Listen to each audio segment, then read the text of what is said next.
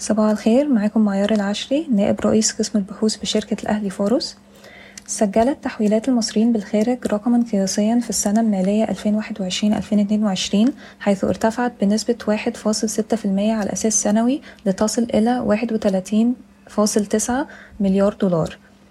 خلال الفترة من إبريل إلى يونيو 2022 زادت التحويلات بنسبة 3% على أساس سنوي لتسجل حوالي 8.3 مليار دولار.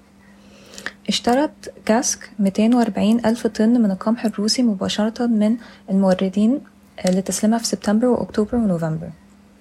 يعقد وزير التجارة والصناعة اجتماعا مع محافظ البنك المركزي بالوكالة لبحث أبرز المشكلات التي تواجه قطاع الصناعة. ألزمت وزارة التموين مزارعي الرز بتوريد 25% من محصولهم في موسم الحصاد الجديد. لن يتم حذف إيكي Holding من ال FTSE Global Equity Index Series Mid Cap Index بلغ صافي ربح قيمة في الربع الرابع من العام المالي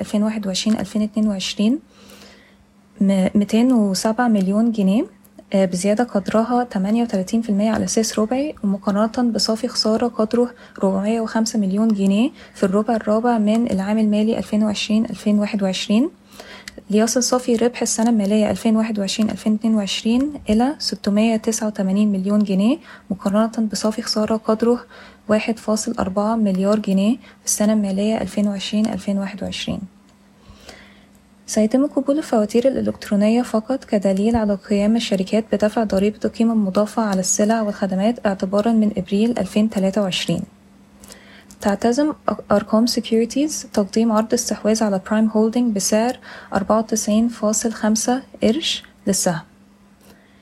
تهدف هليوبوليس إلى توقيع العقد النهائي مع Mountain View للتطوير المشترك لقطعة أرض Helio Park قبل نهاية عام 2022 شكرا ويوم سعيد.